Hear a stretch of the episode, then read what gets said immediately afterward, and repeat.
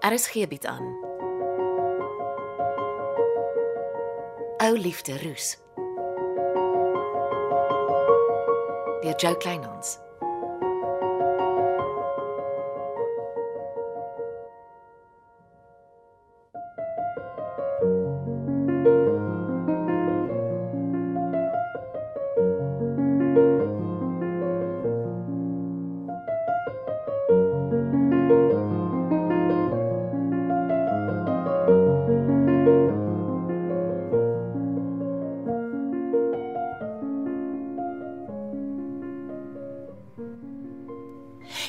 Jy bly net hier binne in Andri se kantoor. Die misdaadtoneel is buite.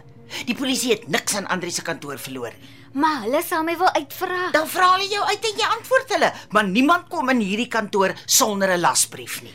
Kan ek nie maar net sluit en huis toe gaan nie?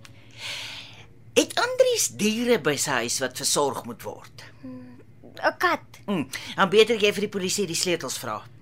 Wat gaan in jou kop aan, Florence? Ek sal ry en sy kat versorg, maar jy moet vir die polisie Andries se huissleutels vra. Sê hulle dis jou werk om die kat te versorg. Hoekom wil jy in Andri se huis gaan krap? Ons het 'n string onopgeloste sake. En nou beskuldig jy sommer die arme Andries. Arme Andries nogal. Dis 'n ideale geleentheid om te krap waar ek tot nou toe nie kon krap nie. En ek sê jou nou sodat jy weet, ek gaan vir 'n dag of twee in jou kantoor kom sit. Hier's 'n paar leers wat ek onder oë wil kry. Sommer net so. Die noodlot het vir ons 'n goue geleentheid geskep. Dit sal 'n skande wees as ons nie daarvan gebruik maak nie. Florence, die arme Andries is geskiet en jy vat sommer oor. Gaan praat met die polisie en kry die huissleutels. Ek wag vir jou net hier in arme Andrie se kantoor. Kom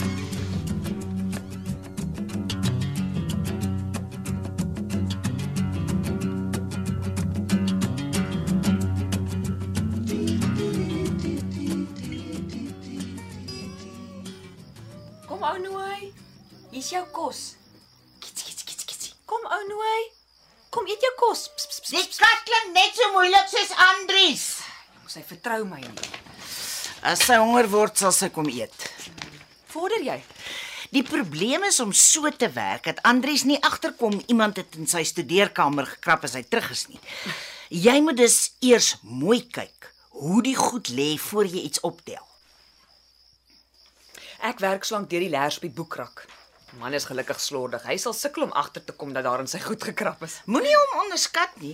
Ek ken mense met die deurmekaarste lesenaars in die land, maar hulle weet presies waar wat op daai lesenaar lê.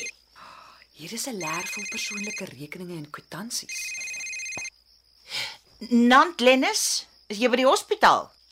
Ja, ek is Florence. En Iemand het verby Andries gery net toe hy in sy bakkie klim en hom geskiet. Dis 'n borswond. Hy is dadelik in teater toe. Ek wag nog dat hy uitkom. dankie vir die laat weet. Die kat is versorg. Het jy alles weer mooi toegesluit? Glennis, ontspan. Jy weet ek is 'n baie presiese mens. Moenie te laat in die bed klim nie. Ek sien jou môre op kantoor. Die polisie het gesê hulle wil môre met my praat. Dan praat hulle. Jy sit voor in Andri se kantoor en ek agter in jou kantoor. Jy maak my skoon jittery. Dis die ekkie, dis jou dieet. Ontspan. Alles gebeur met 'n doel. Nou klink jy net soos my laaste vaste ma. Daar was sy 'n oulike vrou. Sy was 'n nare mens. Ek het niks van haar gehou nie. Maar gelukkig hy by van my. Veilig bly.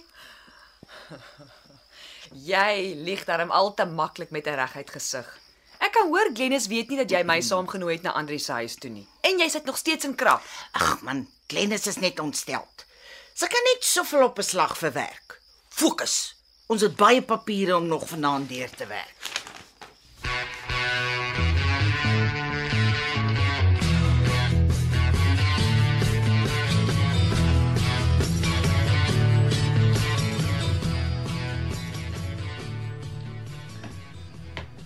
Dennis, ek verwag die polisie. Ek het net gehou kom hoor of jy reg is. Ek moet maar koop. Hoekom sluit jy nie die kantoor en gaan huis toe nie? Ek antwoord maar die foon en die polisie wil met my praat. Ek hoor Andries gaan dit daar maak, maar hy gaan 'n ruk in die hospitaal moet bly. Ja.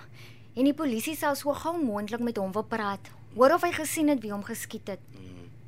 Ek verneem dit was 'n drive-by shooting. Sulke goed gebeur vinnig. Ja, oh, dis verskriklik. En Andries was in 'n verskriklike by. Hy het baie mense kwaad gemaak, Hm, vir meneer Maree ook. maar Bucks het beslis nie vir Andries geskiet nie. Nou, hoe weet jy?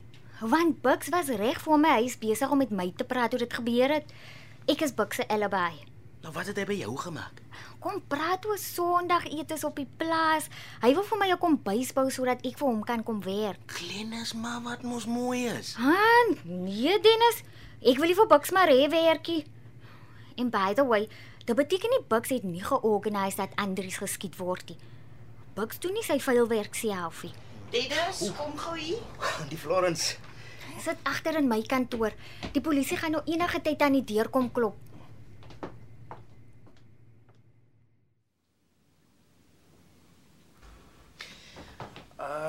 Alles alright aan die Florence. Kom sit hier by my Dennis. Hy en Antie Kamusie en Andri se leers krappie. Jy kan ontspan. Ek hoef nie meer in Bux Maree se kantoor in te kom nie. Hoekom? Het Antie nou ophou krap? Nee, Dennis. Bux het hier 'n wynkelder op Hannepoort Bult by sy boekhouer se broer. Oh, wel, dis nuus vir my. En hoe lank werk jy nou al vir die man? En jy ken hom nog steeds nie.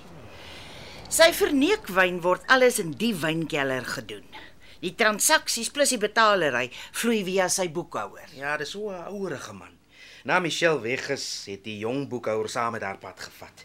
Toe besluit meneer Maree hy stel nooit weer 'n jong boekhouer aan nie. Mm, omdat die jong boekhouer die vrouens in Bux se lewe gehelp het om hom te besteel. Wel, die inligting wat ek soek is in Bux se ouerige boekhouer se kantoor op die dorp. En die Flo, jy gaan jou vingers brand met al die gekrappery. Iemand moet iets doen voor vertellingkie die dorp oorvat. As ek Antie is, draai ek maar my skiet uister dag en nag. Ja, toe maar, ek doen dit. Kon jy iets by Quentin geduld uitvind? Ja, maar vrou Sonja het my geld gegee vir 'n bottel dop en Soek Sonja ook die kode vir die brandkluis in die wynkelder se kantoor. Ai, en ek en my grootma. Ja. Ek het Quentin whisky gevoer tot ek hom huis toe moes help. Maar Maar hy praat nie. Hy het net confirm sy kinders se fancy prem het hulle by meneer Maree gekry die dag toe hulle getrou het. en hulle het nie 'n woord van Michelle gehoor nie. Ja, mevrou Michelle het Quentin se kinders gegroet voor sy weg is, uh daarna die competition waar sy die models gejudge het. Mm. En toe nooit weer 'n woord nie. Ek moet by die plaas kom. Dit gaan woes. Antie Florence, ek like jou. Wees tog versigtig. Meneer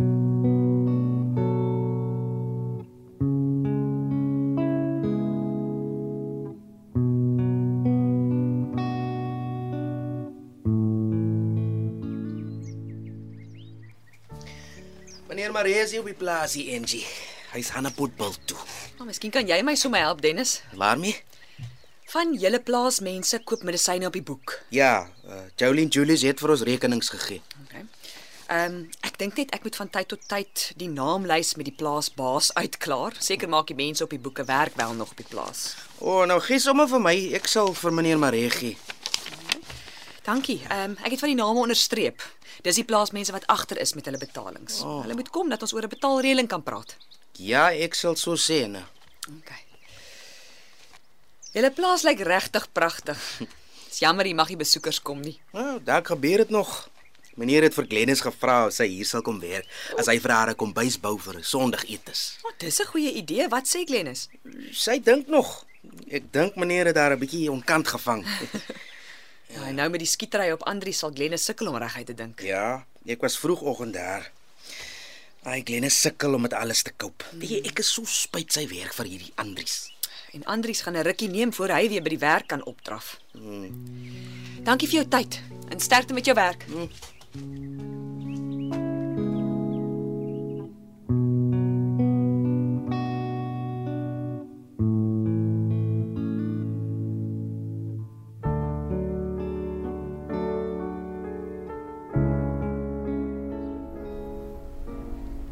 Vanmiddag kyk jy my in my oë en jy praat die waarheid, Pietman Ratlof. Regtig, Florence. Ek, ek is moeg. Dit was 'n lang dag op kantoor.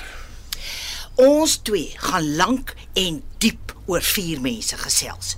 Johannes Steenkamp, Andrius Roo, Pietman Ratloff en Tilly Versagie. Vir wat neek julle almal die heeltyd in gister in? Omdat gister vir ons hengse probleme veroorsaak vandag, probleme wat ons nie verstaan nie. Jy weet, Florence, jy moet ophou grawe in ander mense se privaat lewens. Dit raak irriterend. Dis net irriterend as jy iets het om weg te steek. Al het ek wat gedoen, dis my saak. Hou op skerme, vertel vir my die waarheid, Pietman. Waaroor? Julle drie mans wat op dieselfde vrou verlief was. Jy, jy weet nie waarvan jy praat nie. Nee, hierdie keer kom jy nie weg, Pietman. Johannes en Tilly het saam ingetrek, maar Johannes se dubbelprobleem het Tilly raad opgehad. En sy het by Andries gekla en Andries het toe vir Johannes 'n werk aangebied om hom onder oë te hou. En omdat hy verlief was op sy skoonsister. Want Dinkie en Tilly lyk baie na mekaar. Dis of Andries die gemors van destyds met sy eksvrou wou regmaak deur 'n mooi verhouding met Tilly. En Tilly vertrou nie vir Andries nie. Sy weet hoe hy haar suster aangerand het as hy die klits kwyt raak. En daarom het Tilly haar toevlug tot jou geneem. En toe word dit ernstig. Jy het Sonja net so verneek soos wat sy jou met Buks verneek het. Ek en Tilly was vriende wat mekaar Wel bietjie- stop jou leuns. Jou werk se uitstedige dinkskrims het almal in dieselfde hotel opgeëindig. Dit het net gebeur. Ag, niks gebeur net van self nie. Julle is volwassenes wat veronderstel is om volwasse op te tree. Hoor wie praat? Jou Hannes het geroer en remoer. My Hannes is nie nou hier ter sprake nie. En toe doen Andries 'n verskriklike ding. Hy voer Johannes met die inligting dat jy wat Pietman is in sy slaai krap. En is toe wat Johannes teen Kampiedam stories gebruik om jou te probeer sink. Ja, Johannes was gemeen, maar ja, dit het nooit regtig oor gelekte dam inligting gegaan nie. Ja, dit was om jou terug te kry omdat jy met Tilly gelol het. En boonop wou Tilly nie meer dubbelgeld vir hom gee nie. Een groot sekspil. Toe verkoop Johannes sy huis aan Andries om sy dubbelskuld te betaal en toe vra die vervloekte Andries wraggies vir Tilly om saam met hom in die huis aan te bly. En daarvoor het Tilly nie kans gesien nie. Sy wou Kaap toe, maar sy wou nie alleen in die pad val nie. Sy wou hê jy moet Sonja skei en saam met haar Kaap toe. Ja man, ek het besef dinge het te ver gegaan. Ek en Tilly is deur omstandighede bymekaar gegooi. Dit was nie ware liefde nie. Volgens jou. Maar Tilly huil nou nog oor jou. Sy kan nie wag dat jy en Sonja skei nie. En toe maak Angie Boonop weer haar verskyning en skielik weet Pietman Ratlof dubbel en dwars. Tilly is nie die vrou vir hom nie. Maar dit verskriklik. klink. Want dit is verskriklik. Hoe kan julle mans so met 'n vrou mors? En dis hoekom Andries Roo jou met 'n passie haat. Ek het niks aan Andries Roo gedoen nie. Andries wou sy slegte geskiedenis met sy vrou uitvee met 'n skoon begin saam met Tinkie se suster Tilly, maar terwyl jy op die toneel was, het Tilly nooit verby jou gekyk Nou laat nie. jy dit wragtig klink asof alles my skuld was. Pietman Ratlof.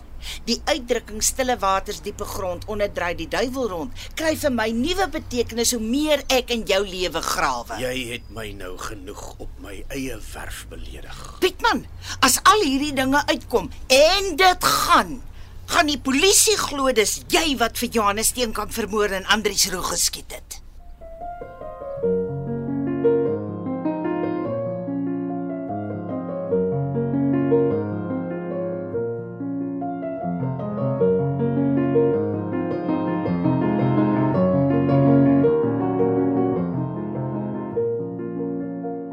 Dit was Ou Liefde Roos deur Jo Kleinhans. Cassie Louwers behartig die tegniese versorging en is in Kaapstad opgevoer onder regie van Frida van den Heever.